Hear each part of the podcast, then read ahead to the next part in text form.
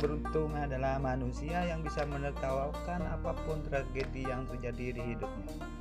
Podcast saya akan memberi gambaran bagaimana cara saya menertawakan diri sendiri dan membuat saya jadi bahagia.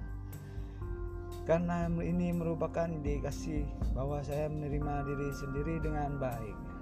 Saya berharap kebahagiaan ini menular ke kalian juga. Tertawai diri sendiri. Maka itu berarti kalian bisa bisa tawa lepas, lepas tertawa kayak orang gila. Gila kali kalau lihat orang ketawa sambil tertawa. Stop.